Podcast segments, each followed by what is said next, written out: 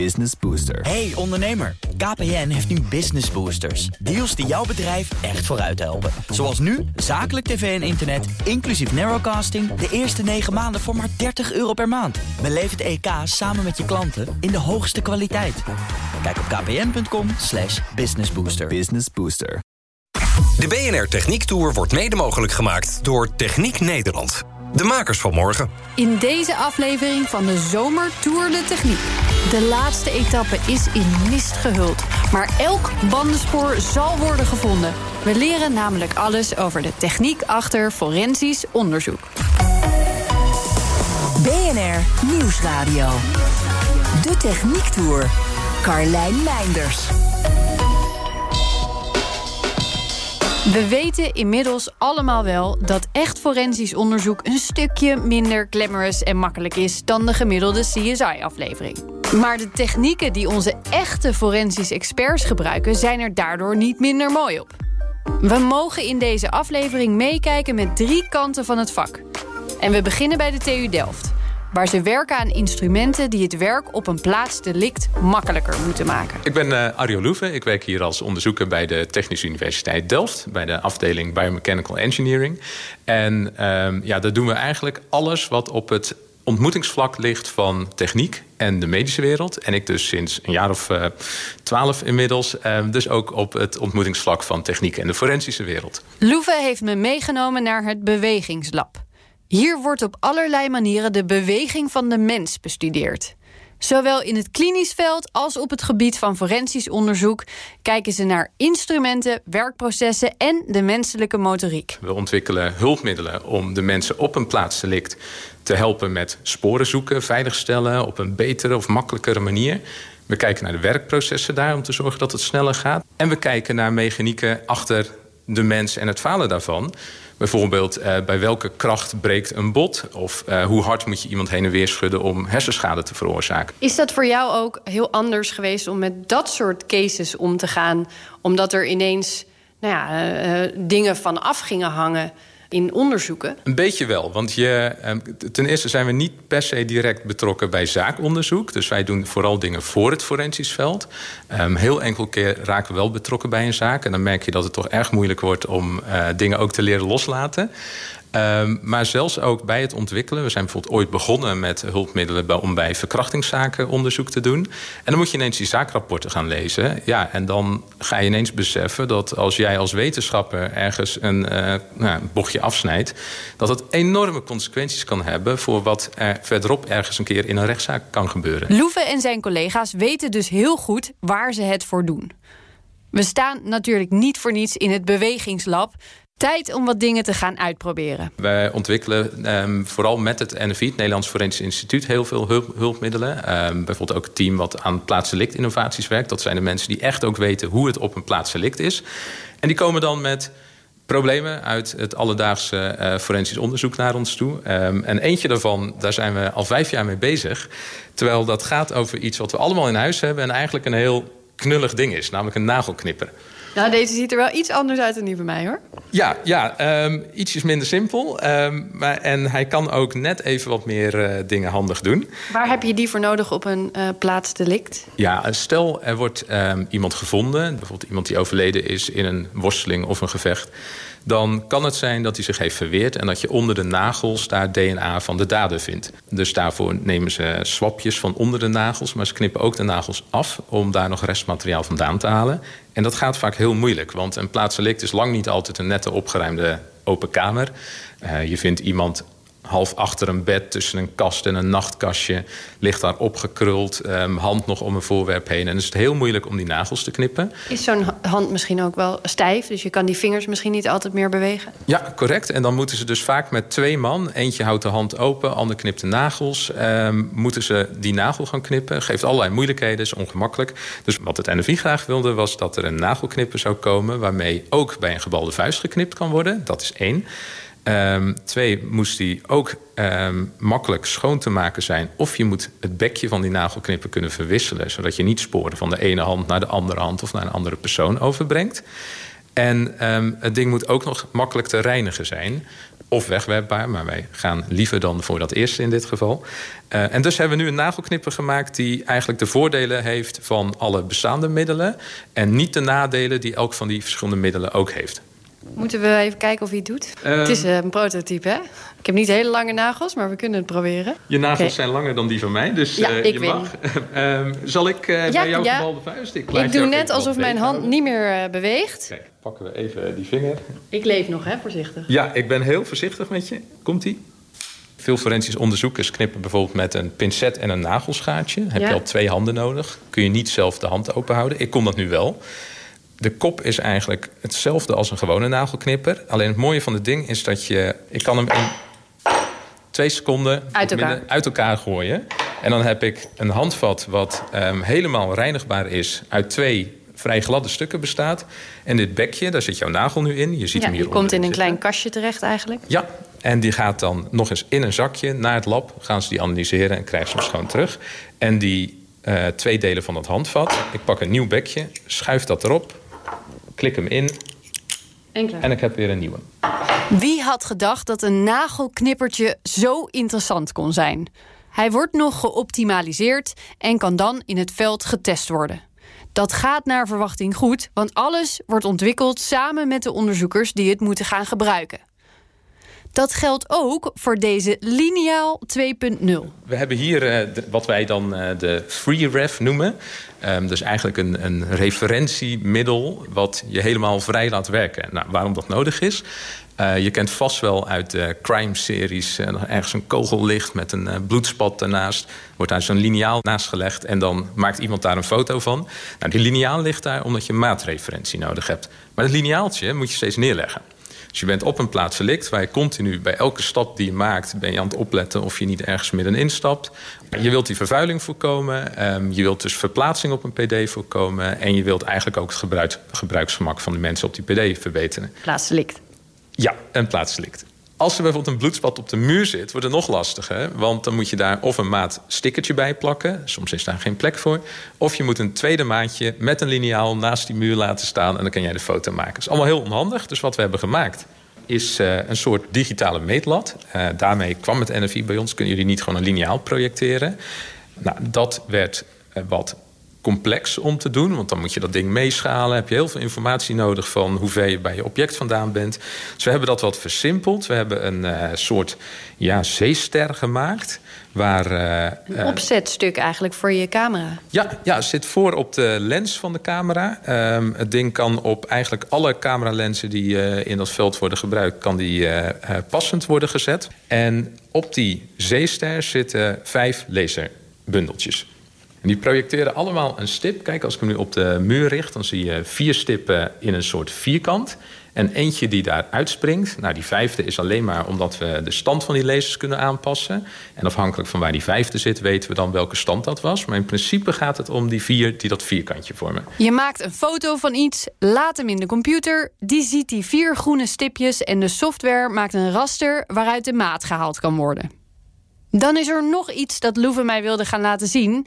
waar ik eerlijk gezegd een beetje tegenop kijk. Ja, dit is onze baby Justitia.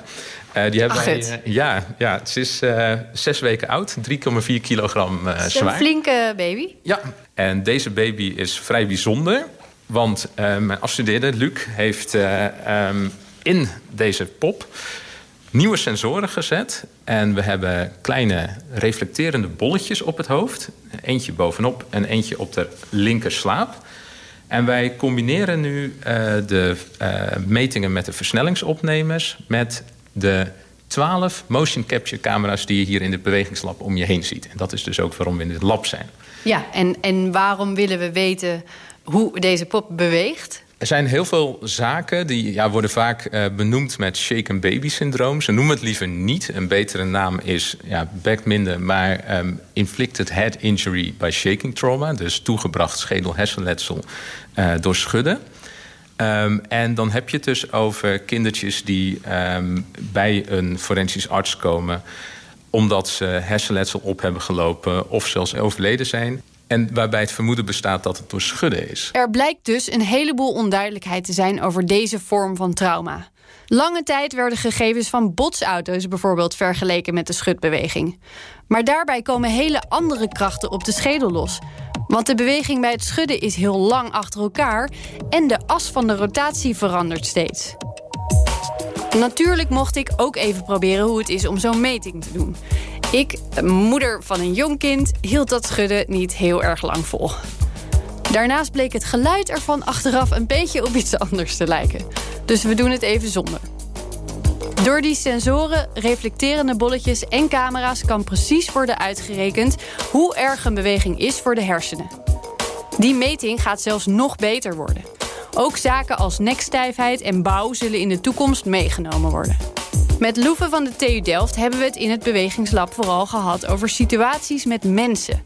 Maar een plaatsdelict kan ook een materiaalpuzzel zijn. Bij schadeonderzoek in de bouw bijvoorbeeld, vertelt Hubert Borstje van TNO mij in de BNR-studio in Amsterdam. Ik ben daar werkzaam als forensic engineer. Ik doe dit werk, het schadeonderzoek in de bouw, al zo'n beetje 30 jaar. En ik ben de laatste jaren bezig om daar steeds meer een vak van te maken. Om te zien welke structuren zitten er nou in zo'n onderzoek. Om steeds ja, het juiste uit het schadegeval te halen. Ja, want we hebben deze uitzending over forensisch onderzoek. Dan gaat het vaak over wie heeft er ergens iets verkeerd gedaan... en kunnen we achterhalen hoe dat is verlopen. Wanneer komen mensen bij jullie terecht? Nou, eigenlijk is, maakt dat helemaal niet uit. Of het nou een scheur is in een galerij... dat een vereniging van eigenaren zegt... we willen het toch uitgezocht hebben. Of dat het een instorting is van een parkeergarage... zoals bijvoorbeeld in Eindhoven. Dan kunnen alle soorten partijen kunnen bij ons terechtkomen. Bij het oplossen van een zaak schakelt Borstje per situatie materiaaldeskundigen in. Die samen met hem proberen te achterhalen wat er op een plek gebeurd kan zijn. Met altijd in het achterhoofd dat de informatie in een rechtszaak gebruikt moet kunnen worden. Na 30 jaar kan Borsje al een hoop zien door alleen maar te kijken. Hoe zit het eigenlijk met de technieken die hij tot zijn beschikking heeft? Is daar veel in veranderd in die 30 jaar? Er zitten eigenlijk niet zoveel ontwikkelingen die specifiek voor schalenonderzoek zijn. Er zijn wel heel veel ontwikkelingen in gewoon het materialenonderzoek. Bijvoorbeeld microscopisch onderzoek zijn veel ontwikkelingen. Maar ook van het doorrekenen van constructies. Er zijn veel ontwikkelingen met rekenprogramma's die steeds geavanceerder worden. En nou zijn er natuurlijk veel uh, materialen steeds vaker uitgerust met sensoren bijvoorbeeld. Daarbij komt er ook heel veel data natuurlijk binnen. Verandert dat jullie werk ook enigszins? Tot nu toe ben ik eigenlijk nog geen constructie tegengekomen die al sensoren in zichzelf had. Die kon zeggen: Oh, dit is er gebeurd. Ja. Of die data kunnen we eruit halen. Daar gaat het mogelijk natuurlijk wel naartoe. Dan zit je straks alleen nog maar achter de computer. Theoretisch zou het kunnen, maar ik verwacht het absoluut niet. We hebben hier wat spullen voor ons liggen. We kunnen natuurlijk niet zomaar uh, bij een plaatsdelict bouwconstructie nee. gaan staan. Uh, zeker als daar nog onderzoek plaatsvindt. Dus hier uh, liggen wat staaltjes om het ja. zo maar even te zeggen, van situaties die mis zijn gegaan. Ja, klopt. Ik heb wat voorbeelden meegenomen om toch eens te laten zien... ja, wat houdt dat werk nou in? Ja. Hoe, wat kom je daar tegen als je daar bezig bent? Ja, ik pak even wat dingen erbij. Hier ja. hebben we... En dat zijn twee ankers waarmee ankers. Een, een staalconstructie aan een plafond verankerd was. Ja, het is eigenlijk een, ja, een, een schroef zonder voor- en achterkant. Ja, Gewoon. klopt. Het is een staaldraad als het ware. Een, ja. een, een, metalen staaf. En die lijmen ze in het beton. En dan kunnen ze er een moer op draaien. En dan kunnen ze een stukje staalconstructie vastzetten. Wat is hier mis mee? Want ik zie eentje, nou die ziet er gewoon goed uit voor mij. En eentje die is een beetje gebogen. Zou, ik zou ook nog kunnen denken, nou, blijkbaar maken ze ze ook gebogen. Maar dat klopt niet helemaal, hè? Nee, dat klopt niet. Wij dachten in eerste instantie, ja, ankers in het beton lijmen... dat is een standaard bezigheid, dat zal altijd wel goed gaan. Dus we hoeven niet naar te kijken. We gaan verder kijken. Maar toen dachten we toch, laten we eens naar die ankers gaan kijken. En toen bleek dat de een, die, ja, daar hadden ze een gat geboord om het anker in te lijmen. En toen kwamen ze op ijzer. En dan kan je twee dingen doen. Of het gat op een andere plek boren. Of in dit geval het anker afzagen. En maar een heel klein stukje erin lijmen. Waardoor die totaal niet te sterk had die die had moeten hebben. En deze krommen? En die krommen, die, daar hebben ze het gat maar schuin geboord. Want ja, eh, konden ze er ook niet goed in. Hebben ze het gat schuin geboord, het anker ingelijmd. En toen het anker uh, met een zware weer recht. Oei, oei. En wat is er gebeurd op die plek? Uiteindelijk is daar een stukje staalconstructie naar beneden gekomen... waar een ventilator aan hing. Oké. Okay. Gelukkig geen, uh, geen gewonden of, ja. uh, of iets dergelijks. Het was alleen materiële schade, maar het had flinke impact voor deze opdrachtgever. Ja. We hebben hier nog ja. twee voorbeelden. Ik zie hier een stukje beton met een flinke scheur erin. Dit was een brug van geprefabriceerde liggers. Dat zijn als het ware balken die ze naast elkaar neerleggen... en daar een brugdek van maken, ja. betonnen balken. Hoe moet ik me dat Die voorstellen? balken die waren 1,20 meter breed. Oké. En die stonden onder druk. Dat zijn zogenaamde voorgespannen balken. Ja. Toen zagen ze nog tijdens de bouwfase... zagen ze in lengterichting van die balken zagen ze scheuren. Ja. Nou, dat is heel ongewoon. Dat kom je in de praktijk nooit tegen. Oké. Toen wij de foto's op kantoor kregen, dat kwam bij een collega van mij binnen, hadden we geen idee waar we aan moesten denken. En dan ga je verder kijken naar de schade zelf. Wat kan die schade vertellen? Ja. Dus ik ben met een collega daar naartoe gegaan in een hoogwerker bij dat dek. Ja. En, je kijkt omhoog. En je kijkt omhoog en van de grond zie je nog niks bijzonders. En we komen boven en we zien niet alleen scheur in lengterichting, maar ook in breedte richting. Ik zou denken, oké, nou, Ja. dat, dat kan. Maar als je veel van beton weet, dan is dit heel opmerkelijk, toch? Dat klopt. Voor mij was het pure constatering, daar zit ook een scheur. En wat vertelt mij dat over de oorzaak? Ja. Maar mijn collega, die echt een constructieve achtergrond is... zijn eerste reactie was toen ik zei, er zit ook dwarsscheur in... zei hij, dat kan niet. Dit staat onder druk, dus dat kan niet scheuren. En dat is het mooie ook van dit vak. En dat heb ik ook in de loop van de tijd gemerkt. Ja. Heel veel mensen kijken vanuit hun eigen frame of reference... kijken ze naar die schade. Ja. Wat was het uiteindelijk? Uiteindelijk was er nog een tweede aspect bij. En dan komt ook weer een stukje ervaring. Kijk hoe dat belangrijk is. Normaal zijn scheuren in beton die zijn altijd een beetje ja, wiebelig. Die lopen alle kanten op. En zijn nooit kaarsrecht. En deze scheuren waren echt kaarsrecht. En wat bleek nu? Dat was een aanwijzing voor eigenlijk wat er aan de hand was. En dat kwam achter toen wat gaatjes in dat beton geboord en wat kernen eruit gehaald hadden. En toen zagen we dat er in het buitenste gedeelte van het beton geen grind zat. Ik zie het nu ook in het voorbeeldblokje. Klopt. De kant eh, waar geen grind in zat, daar keek je tegenaan. Ja, de klopt. onderkant van de brug. Ja. En daar eh, was het gaan scheuren. Want Ja. je, je hebt die, dat grind dus nodig voor die versteviging van het beton. Nou, de- het is eigenlijk zo dat die is, eh, dat grijze, dat cementsteen, dat krimpt. Ja. En dat grind zorgt dat dat goed verdeeld wordt. En als er geen grind zit, dan wordt die krimp heel veel. En dan kan die krimp zoveel worden dat die begint te scheuren. Juist. En dat bleek de oorzaak te zijn. Nou zijn dit nog overzichtelijke gevallen. Maar wat als er een parkeergarage instort? Dan kun je op zicht maar heel weinig. En dan is het net als bij een vliegtuigramp. Stukje voor stukje reconstrueren. Soms zelfs alles tot in detail nabouwen. En dan kijken hoe het heeft kunnen lopen. Bij bouwschade zijn er in Nederland gelukkig relatief weinig menselijke slachtoffers. Volgens Borsje is ons land dan ook heel erg veilig.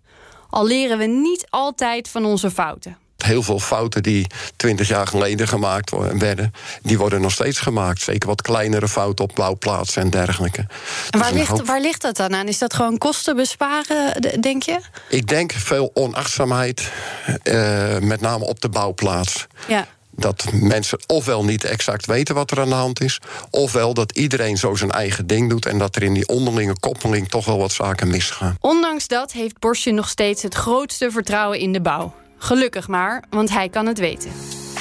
Je luistert nog steeds naar de Techniek Tour. Gaan we van scheuren naar schermen. Want waar ook steeds meer vraag naar is, dat zijn experts op het gebied van data. Onderzoekers die data terug proberen te halen van chips en disks... of die een deepfake van een echte video kunnen onderscheiden. Bij het Nederlands Forensisch Instituut proberen ze op dat vlak vooruit te lopen op de ontwikkelingen. Hallo, ik ben uh, Zeno Gerards. Ik ben uh, uh, wetenschappelijk onderzoeker bij het Nederlands Forensisch Instituut. Um, ik ben één dag per week ben ik bijzonder hoogleraar bij de Universiteit van Amsterdam op het gebied van Forensic Data Science. En bij het NFI ben ik sinds 1991 uh, werkzaam. En ik doe op dit moment veel met beeldonderzoek, multimedia. En het onderzoek aan videobeelden en ook manipulatie van daarvan. Nou, zit je hier al een tijdje dus. Is er heel veel veranderd in die jaren, in, in de focus van het soort onderzoek dat jullie doen? Nou, er is op zich het nodige veranderd. Ik bedoel, uh, als ik kijk naar uh, het verleden, dan had je natuurlijk VHS-bandbanden. Alles was analoog. En uh, ja, in die tijd, begin 1991, was er bijna niets digitaal.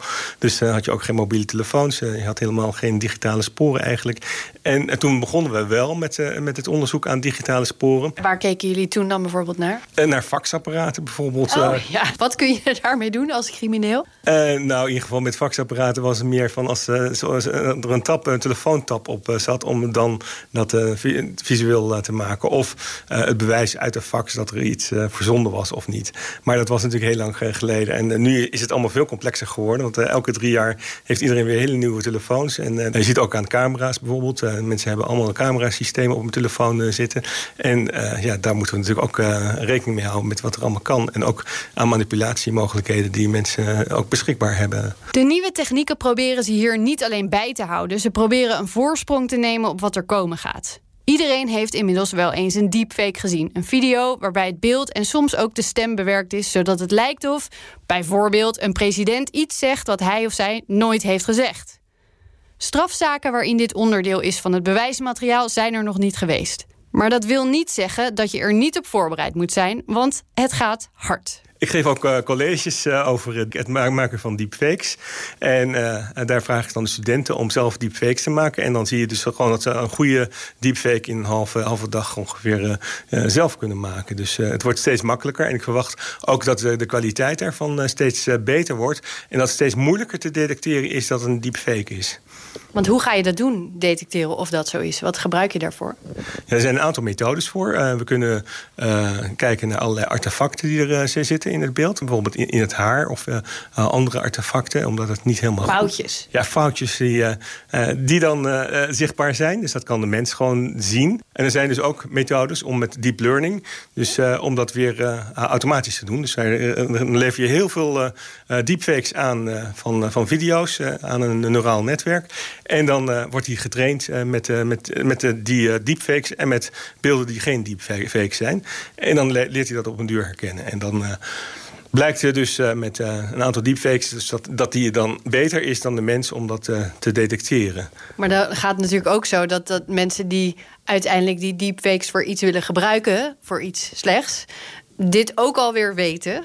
En weer proberen om, om daarop in te spelen. Kun je daar dan nog iets aan doen? Ja, het wordt steeds lastiger natuurlijk. Maar je kunt ook kijken naar de chain of evidence. Van uh, wanneer had iemand dan uh, het kunnen manipuleren? Dus ik bedoel, als je een uh, videosysteem hebt, een bewakingsvideosysteem... dan zijn er minder mogelijkheden dan als je een, op je telefoon... gewoon een, een videootje inlevert bij de politie... en dat als bewijs inlevert. Naast deepfakes kijken ze bij het NFI ook naar andere beeldmetingen snelheidsmetingen op basis van video bijvoorbeeld, of gemorfde paspoortfoto's. Dus dat betekent dat je uh, twee verschillende eh, foto's van de, de, meneer aan de linkerkant en aan de rechterkant samenvoegt tot een nieuwe foto. Ja, dus deze twee mensen zijn samengevoegd in één foto en kunnen daardoor met hetzelfde paspoort eigenlijk allebei er doorheen. Ja, daar hebben we ook een publicatie over geschreven in 2018. Hoe je morfs, uh, goede morfs kunt maken en hoe je ze ook weer kunt detecteren. Er zullen volgens Gerard steeds meer data datazaken komen. Waarin het soms ook gaat om vervuiling van datasets. Want algoritmes voor bijvoorbeeld spraakherkenning in afgetapte telefoongesprekken worden getraind met een door mensen gekozen dataset van stemmen. En daar kan echt nog wel eens een foutje of een selectieve versie van de werkelijkheid in voorkomen. Maar de grootste uitdaging wordt toch wel verwacht van de deepfakes. We lopen een stukje door de gangen met labs waar hard wordt gewerkt en waar we zeker niet overal zomaar even mogen kijken. Bij de collega's van het Beeldlab mag het gelukkig wel. Hier vind je geen labjassen en veiligheidsbrillen, maar laptops. Naast wie sta ik hier? Ik ben een van de forensisch eh, deskundige beeldonderzoekers bij het NFI. Hoeveel zaken krijgen jullie nou binnen? Uh, per jaar uh, krijgen wij op, voor ons team ongeveer tussen de 30 en de 60 aanvragen binnen. Oké, dat je zou denken misschien wel vijf per dag of zo, maar dat is niet zo. Nee hoor, nee, nee. Ook uh, bij beeldonderzoek wordt ook heel veel gewoon door de politie zelf gedaan. En eigenlijk alleen die dingen die de politie denkt van, nou, daar hebben we meer kennis voor nodig. Of de rechter denkt van, daar moet echt een deskundige naar kijken. Die komen bij ons binnen. En hoe lang werk je dan aan zo'n zaak? Soms een paar dagen, dan ben je al klaar. Maar soms kan het ook een paar maanden werk zijn. Wanneer vind jij het extra leuk? Voor mij is het extra leuk als de, de vraag die binnenkomt echt een puzzel is. Iets wat we nog niet al in vele voorgaande zaken gedaan hebben. We hebben wel eens een keer een zaak gehad waarbij er geen er waren beelden opgenomen, maar die kon de politie en wij ook nog niet afspelen. En dan moesten we echt gaan ontcijferen hoe deze op de schijf opgeslagen waren. Dus toen hing de hele zaak ook gewoon van jullie werk af? Ja, dat klopt. Er waren geen beelden. En het is ons gelukt om de beelden afspeelbaar te maken. En toen werd pas duidelijk wat er echt gebeurd was. Wat een mooie baan eigenlijk, hè? Ik vind van wel, droombaan. En dat was hem alweer. De laatste aflevering van de Zomer Tour de Techniek. Volgende week een gloednieuwe uitzending. Daarin hoor je alles over het bouwen van vrachtwagens. Tot dan vind je alle afleveringen van de Techniek Tour online en in de app. De BNR Techniek Tour wordt mede mogelijk gemaakt door Wijtechniek. Wijtechniek. Samenwerken aan jouw ontwikkeling. Hardlopen, dat is goed voor je. En Nationale Nederlanden helpt je daar graag bij.